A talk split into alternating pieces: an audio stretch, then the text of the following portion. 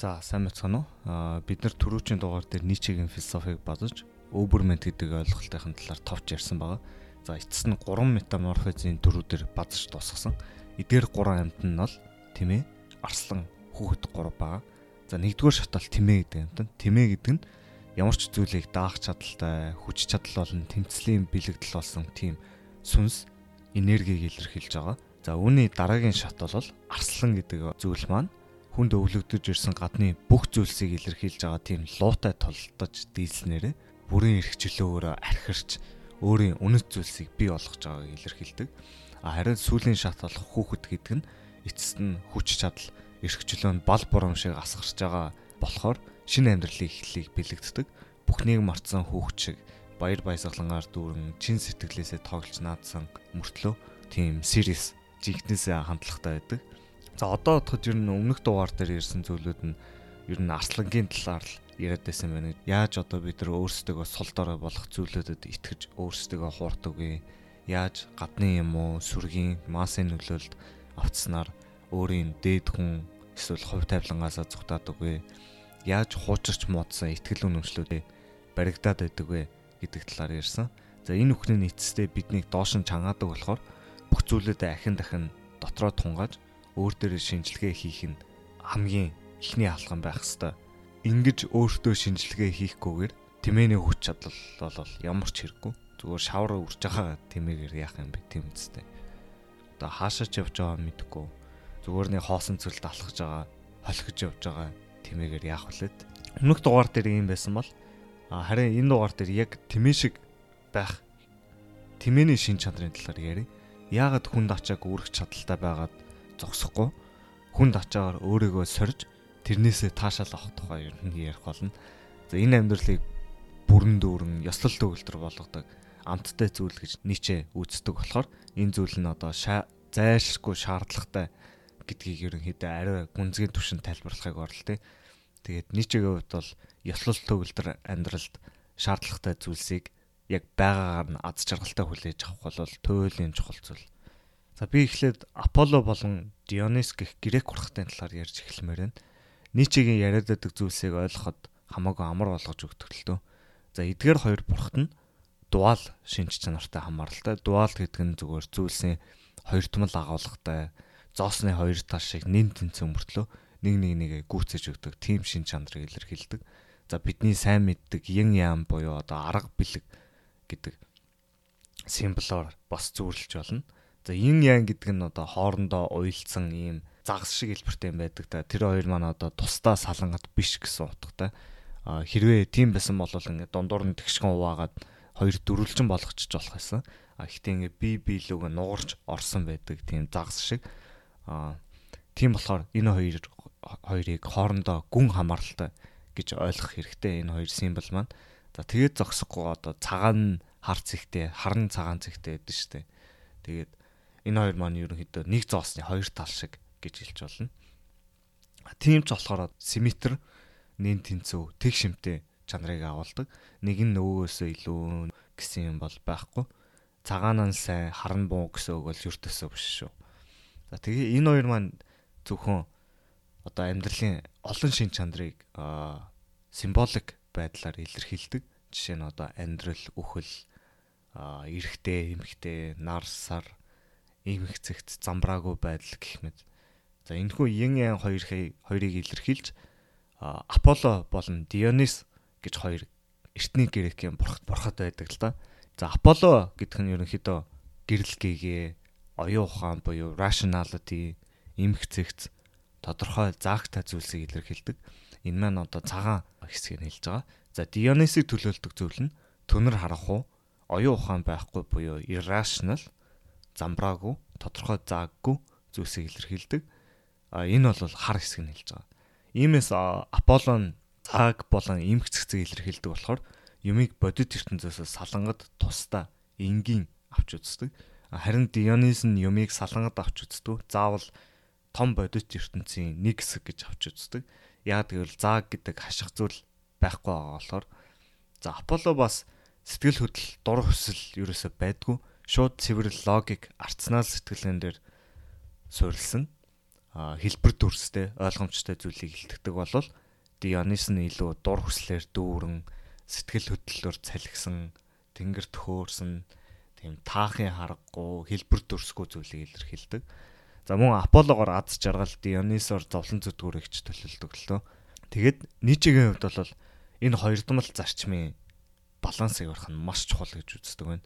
Нице бол айгүй урлагт дуртай хүн байсан. Уран зураг, хөгжим, жүжиг дөр, уран зохиол бүгдэнд нь амар дуртай. Тэгээ өөрөө ч бас айгүй хөгжимд авьяастай хүн байсан. Тэгээ эдгээр нь бүгд Дионисийн дээд түвшний илэрхийлэл гэж үздэг. Хүний сэтгэлийн утсыг хүндсэн дээдийн таашаал гэж хэлдэг. Энд гэхдээ Дионис ганцаараа ойл хангалтгүй. Дионисыг бас өөрөөр дарсны бурхан гэдэг л те. Ийм учраас одоо Дионисыг туйлд нь авч үзэл зүгээр л маш ихээр тийм согтож орхисон хүнийг илэрхийлдэг. Ямар ч чиглэлгүй хэлбэр дүрсгүй төрч орхидог гэж хэлж болно. Ийм болохоор Дионис болон Аполлоны элементүүд yin yang шиг уусч нэгдснээр хамгийн дээд түвшний урлагийг бий болгодог гэдэг. А Ницегийн хэлснээр бол урлаг бол хүн төрөлхтний дээдийн ажил хэрэг бөгөөд энэ амьдралын хамгийн тохиромжтой метафизикийн үйл хэрэг юм гэж хэлсэн байдаг. Вау, метафизикийн хорвоо ертөнцийн төрлөх чанарын хувьд тохиромжтой гэдэг чинь ер нь тэрнээс цаашаа төвшний зөвлөл байхгүй л гэсэн. Энэ бол одоо амар том магтаал гэж ойлгож байгаа. За Ницегийн олон ойлголтууд Дионисыг бүрэн илэрхийлэх, дээд түвшинд нь илэрхийлэхтэй холбоотой юм шиг санагддаг л та. Гэхдээ яагаад Дионисыг заавал онцлоод байгаа юм болоо гэдг нь сонирн байж магадгүй. Юу ч гэсэн бид нар өөрсдөө амьдарч байгаа нийгэм нийгмээ үндсэндээ Аполлоны нийгэм гэдгийг анзаарах хэрэгтэй. Илүү Аполлоны чиглэлтэй. А тэр нь юу гэсэн үг вэ гэхээр илүү тийм хууль дүрм, ёс жаяг, иймгцэгт, зааг, хязгаарлагт дээр суурилсан байдаг. Тэр жигтэй бүтцэн дээр суурилсан оюун ухааны цэвэр илэрхийллийг маш өндрөөр үнэлдэг энэ нь бас яг тэгвэл хуйлтай айгүй холбоотой. Хүмүүс хуйлаа даах хэрэгтэй. Тэр нь бас хүмүүс хоорондын зохицол маргаангүй зөрчилдөөнгүй байдлыг бий болгодог. Ягаад тэгээд Дионист дургүй байд юм бол а энэ нь бол ерөөсөө Дионис гэдэг нь хүчтэй сэтгэл хөдлөл эмоц дур хүслийн илэрхийлэл болдог байгаа. За Дионисыг ямар ч анхааралгүй шууд цэвэр байдлаар нь гаргавал энийг нь бол цустай зөрлөж болно. Дионис гэдэг бол ерөөсөө л улаан хонг догшин ширүүн байдал, хүчрхийллийг илэрхийлдэг, галзуурлыг тэлтгэдэг. Энэ бүхэн одоо доод ухамсараас гарч ирж байгаа Дионис гэж хэлж болно. Юу ч бодохгүйгээр, юу хийж яана гэдгийг анзаарахгүйгээр Дионисийн энерги тэр жигт нь урсгалаар нь тавихад ийм зүйл тохиолддог.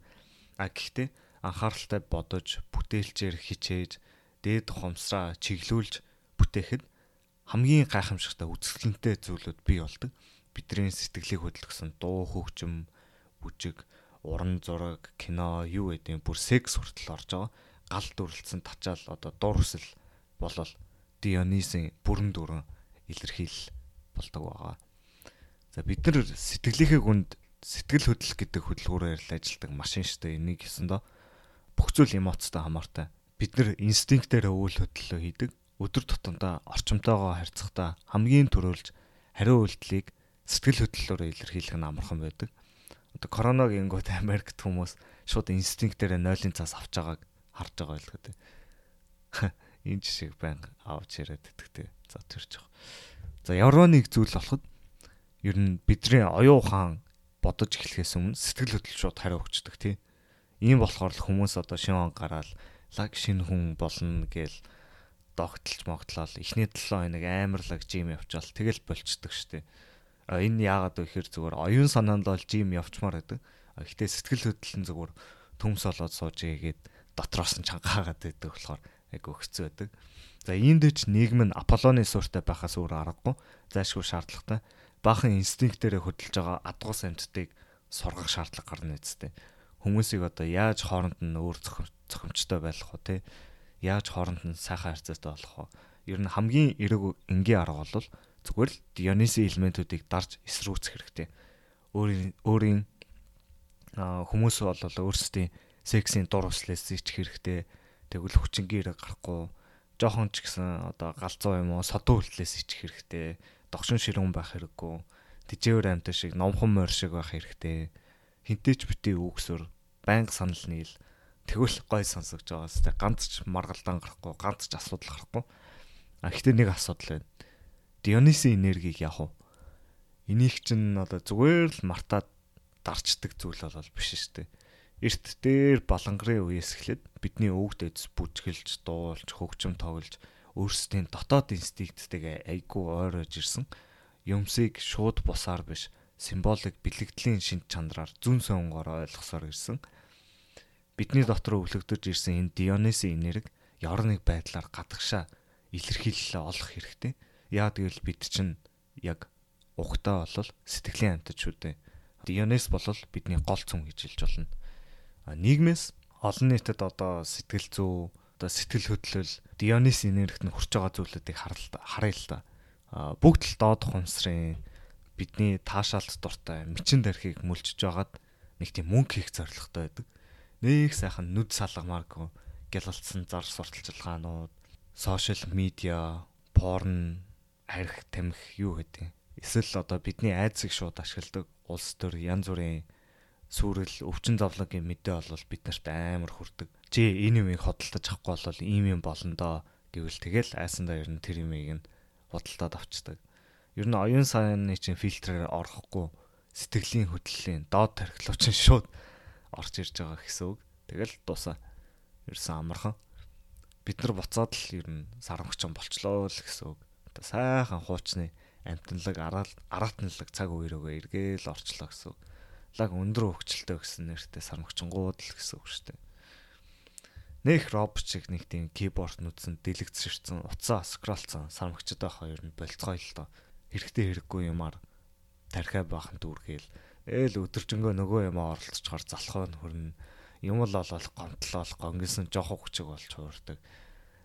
Нэр нь би өөрийгөө анзаараад хахад хэр их медиа хэрэглэн тэр хэмжээгээр тэр өдөртөө айгу онцгой мүүдтэй явдаг.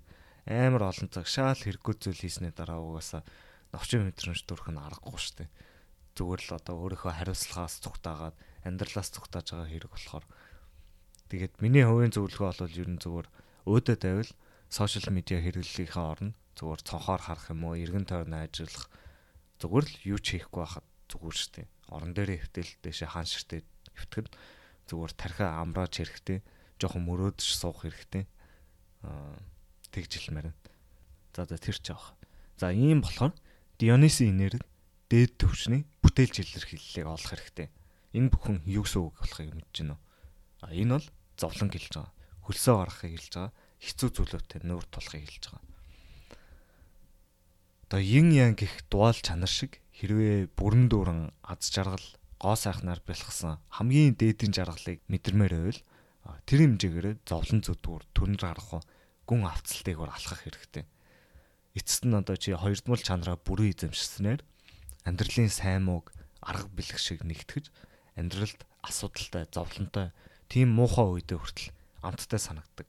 Энэ бол Ницшегийн аморфати гэдэг зүйлийн илэрхийллийнх нь нэг хэлбэр л дээ. Аа гэхдээ одоо надаас асуух байх л та. Бат өглөө чи юу ч мэдэхгүй байна.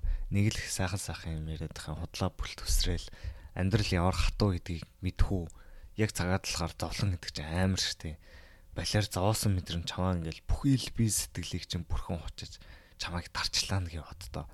Энэ хороод л хий зовлон гэдэг заван зүйлээс ангичрах хэрэгтэй штэ гэж хэлэх юм бол би харин тийм ээ нэрээ энэ ачин зовлон зүдгүр гэдэг энэ тэний юмыг арилгачих юмсан бурхан ёстой өөдгөө хог юм аа хүн төрлөختөнд хайр хүн бах та ийм балер юм бид нарт өгөөд тэгээгүү бол бүгд сайхан сэтгэл хангалуун төмс болохгүй юу тэл гэж хэлмээр байна.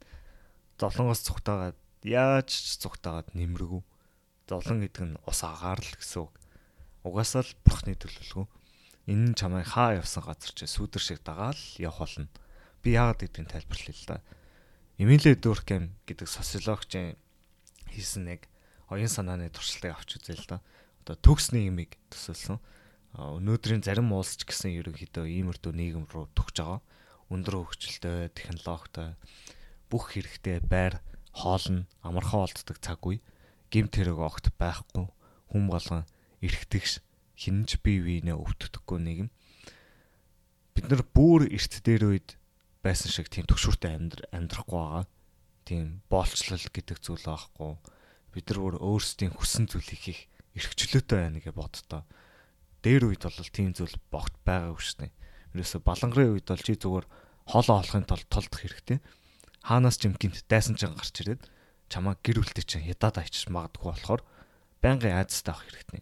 Чи хөлсөө тослуулж хөдөлмөрлөж ир зөрөгтэй толдохгүй л бол чамд ямар ч өршөөл واخгүй. Ерөөсөө чи байгалийн хуулаараа арчигдал хаягдана. Амьдрал бол дээр үед тийм л байсан. А тэнгуут одоо бол нийгэм нь илүү доктортой болох тусмаа бид нар амар жижигхэн өчүүхэн жижигхэн зүйлүүдийг амар том зовлон шиг болгож харж эхэлдэг. Хүмүүс бие биенээ алхаа болчвол бид нар гомдлохоо болчихно гэсэн үг бол биш. А харин ялахгүй жижиг жижиг зүйлүүдэд өөр төрлийн дургуцал гомдлоо илэрхийлж эхэлнэ. Зүгээр одоо энэ гомдлол маань хэлбэр төрсөө өөрчлөнө л гэсэн үг. Бидэрт ер нь homeostasis гэдэг зүйл байдаг л та. Homeostasis гэдэг нь бидний хэвийн нөхцөл байдлыг илтгэж байгаа хэрэг. Чиний бие байнга одоо температура 37 градус руу чирдэг шиг тэр энерги хэлж байгаа. Чиний бие организм чинь тэр жигтэй баланслах гэж хичээж байгаа гэсэн үг. Чи өнөөдөр мянган удаа сунах амар их мотивац гинт төрж исэн ч гэсэн маргааш гэхэд буцаал залхуурмаар санагдана. Аз жаргалыг судалдаг эрдэмтдийн судалгаан дээр хүмүүсээс ер нь хэрэг жаргалтай байгааг нь асууж л тээ судлаачид. Аа тэгээд нэгээс 10 оноогоор дүгнэхэд ер нь хүн болгон л 7 гэж хэлсэн. Хаач байсан, хизээч байсан 7 руу л чиглэдэг. 7 гэдэг дундчтаа homeostasis гэж хэлж болно. Чи яг хаа ингээд лотерей хожиж нэг хэсэгт амар жаргалтай 10 байсан ч гэсэн нэх удахгүй буцаал 7 болчихно. Чамд одоо амар эмгэнэлтэй таагүй явдал тохиолдсон ч гэсэн 2-оос 5-ын хооронд байж байгаа л буцаал аяанда 7 болчдөг. Хамгийн гол нь бид нар өөрсдөө хуураад байдаг байхгүй юу? Ахаад ганцхан жоохон инстаграм хаад жоохон зарим гэдэг жоохон тоглолцол 10 болоод тэгээд тэнцэнэ байчна гэж боддог. Эсвэл сэтгэлээр ончвол хизээч доллароо буцаж ирэхгүй юм байна. Би энэ ч нэ мөн хөрчлөө гэж боддог ч юм уу.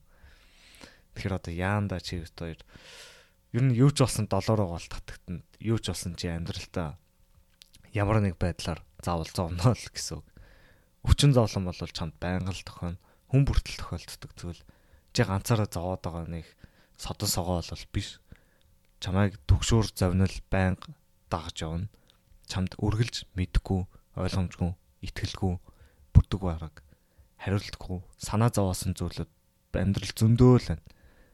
Заримдаа төвчхийн аргагүй мэдгүй санагдана. Орондоо өдөржин хөвтмөр санагдана энэ ороод мэдлсэн цагаас хойш авсандаа орох хүртэл чинь зовлон гэдэг юм чам хөтөлцөл явна. Зовлон байгаагаар нь хүлийн зөвшөөрхийн оронд үзэн ядах юм уу, чихүүцэх юм уу, цугтаах гэж оролтол остоо нэрэ буцаж бүлтээж гарч ирээл чамааг улам хүчтэйгээр өвтөх болно доо л гэж хэлье. За нэг оюун санааны туршилт хийж үзье л да. Одоо чиний мэдрхийг хүсэж байгаа бүх ад жаргал, бүх амар сайхан юу гэдэг тэрийг чинь мэдрүүлдэг тийм машин байг л тийм. Чи өөрийгөө тийм машинд үүрт залга гэвэл залах уу? Үүртийн анц жаргалтай байна гэж боддоо. Ямар ч хичээх шаардлага байхгүй. Мөнгө хэрэгтэй юу? Тасарсан их нэртэй олмоор байна.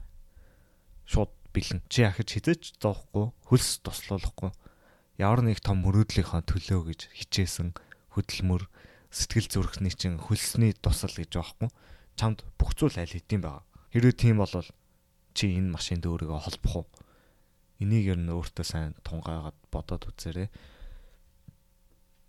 Хэрвээ чиний амьдрал зовлонгүй болчвол чи бурхан минь надад зовлон хайрлаач гэд гойно гэвод та бидэнд ийм л ус агаар мэт хэрэгтэй зүйл ийм хэмжээгээр чи зовлон гитлэх хэрэгтэй байгаа.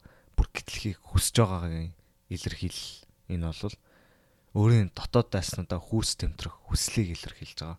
Өөрийгөө байнга давж дийлэх зүрх зориг, хүч чадал энэ бүгд л одоо өвбөрмэнчийн илэрхийлэл.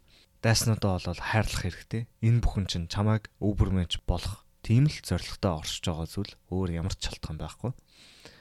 Тэмээн ачаа уурч явахдаа маш жаргалтай байдаг штэ тийм. Нийч ингэж хэлсэн байна л да. Чи амар тавныг шин дайны бэлтгэл гэж л хайрлах хэрэгтэй ялангуяа уртаас илүү богино амар тавныг би чамд ажиллаж зүтэрхийг зөвлөж байна. Би чамд амар тайвныг биш ялалтыг хүсэж байна. Ном сумтай сууж байж л хүн чимээгүй тайван сууж чадна. Үгүй бол ялахгүй юм ярьж маргалдаж суудаг. Хүмүүсийг асуудал юм уу сүргэлдөөнөөс сэргийлэх нь илүү жаргалтай юм уу? Аюулгүй тайван болгодгүй л дээ. Харин ч илүүтэйгээр амархан өөртөө ихтгэлгүй болгодог. Ямар ч хэцүү зүйлдээ тулгарч байгаагүй, зовлон үзээгүй, шудрагуус айдлыг мэдрээгүй хүүхдүүд өсч том болохоор өчөөхөн жижиг таагүй зүйлүүдийг төвчгийн аргагүй мэтэр хүлээ авдаг. Ерөөсө том биетэй нялх хөтөл гэж хэлж болно. Бид нар хизээч дайны талбар зоргондоо хүрэхэд шаардлагатай үйл явцныг анхаарал хандуулдаггүй. Одоо дээд хүн болох зам харгуу, аялал энэ бол одоо насан туршийн аялал гэж хэлж болно. Тэрний оронд бид нар бүгдээрээ зүгээр үр дүндэл хамаг анхаарлаа хандуулж шүлсээ гожулдаг. Йоо амар гоё үйтэй болох юмсан. Амарлаг том компанитай болох юмсан гэдэг Гэхдээ амар гоё биетэй болохын тулд маш олон цагийг чанга дэглэмтэйгээр дасгал хийж өнгөрөөж хөлсөө гаргаж хоолой байнга зүв идэх ёстой. Энэ бол маш их хөдөлмөр. Лаг том бизнестэй болохын тулд маш олон цагийг ажил хөөцөлдөж, олон юм сурч, олон алдаа гаргаж, урагшаа хошоо гүйж, харахгүй ойлгомжгүй нөхцөл байдалд үргэлж дээшээ зүтгэж ижил бизнес чинь босч ирнэ. Энэ бас амар хөдөлмөр ер нь хинч хизээж би одоо дасгал хийгээд амар гоё хүндүртэй басан мэдрэмж авч зовмоор байна. Би болчингаа хүчилж зовмоор байна гэж хэлдэг. А гэтээ энэ бол ууг нь гоё үйтэй болох гэдэг зүйлийг чи 99% хүн шнэ. 99% гэдэг нь юу гэж байгаа гэхээр чи одооноос гоё үйтэй болох хүртэл цаг хугацааны 99%-ийг л бэлтгэл хийж өнгөрөө. Гоё үйтэй болох гэдэг маань бэлтгэл гэсэн. Тэгсэн чинь бид нар ургуугаар нь бодоод байдаг тий яг төгсгөлийн өөрийгөө талент харж байгаа тэр мөч нэгэн хувийг л өөртөө бодоо суугаад байдаг. Ийм буруу ойлголттой ажиллахгүй. Амар лаг гоё нүртэй зу цаанаа барьж авсан. Өө юу вэ? Энийг одоо унших хэрэгтэй юм уу гэж гайхаж байгаатай ямар ч ялгаагүй шүү дээ. Ийм болохоор тэр хүрмээр байгаа зориг чинь шаардлагатай. Ямар дайсантай тултмаар байгаагаа сонгох хэрэгтэй.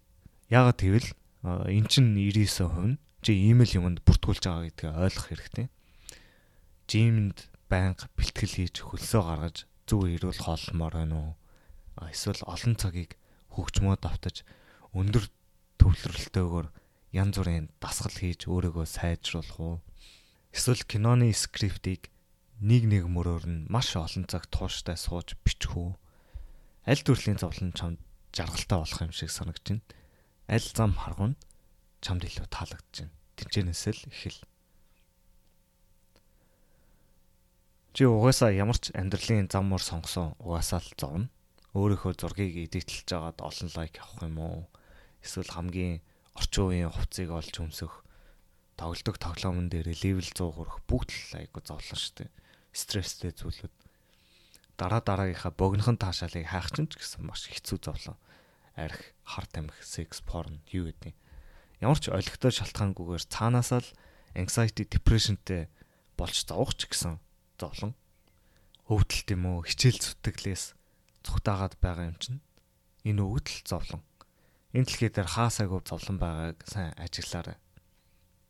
Эсвэл чи энэ хачин хий хоосон зүйлүүдийг цөмүүлээгээд хүн шиг зовж болно чи өөрийгөө хөгжүүлж өчигдрөөсөө илүү дээр хүн болохын төлөө зовж болно новшийн зуршлуудыг шин зуршлуудаар солих гэж зовж болно байнга чирч ирсэн сэтгэл зүйн хүнд ачаануудтайгаа нүүр тулж зовж болно эцэст нь өөрийн байнга бодож явдаг дотоод дор хүслээ бүрэн дүрэн илэрхийлэх гэж хичээснээс үүдэж олон төрлийн новшийн зүйлүүдтэй зурлах зовлон байж болно. Өөрийн хувьд утга учиртай хүнд хэрэгтэй гэж боддог зүйлээ бүрэн дүрэн урлаг болж илэрхийлэхдээ зовж болно. Угаасаа л зовх юм чи айтайхан шиг утга учиртай зовцгоо л доо тийм эцэснэ. Хүн шиг л зовх хэрэгтэй шүү дээ. Нийчээ бол биднийг байж болох хамгийн сайн дааснаа л олд гэж хэлнэ.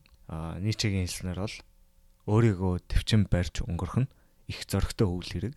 Ингэснээрээ чи өөрийгөө илүү хүндэтгэлтэй дайсандаа хадгалж чаддаг.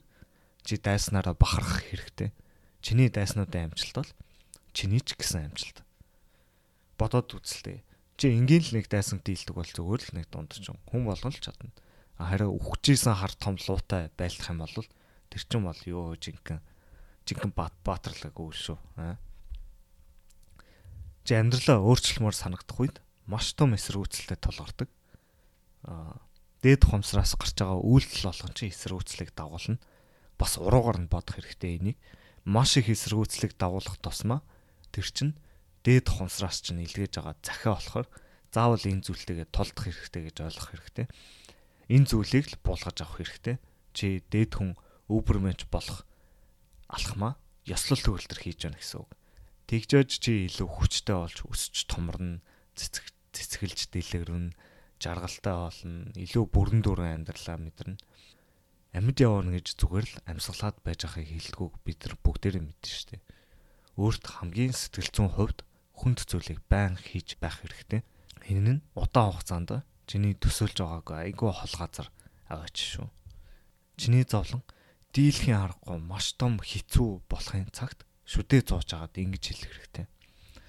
Энэ л миний амьдралын гол шүүс юм шүү. Хүндэт дайсан минь би чамд хайртай. Чи миний хийх ёстой цорын ганц зүйлийг маш тодорхой болгож өгдөг.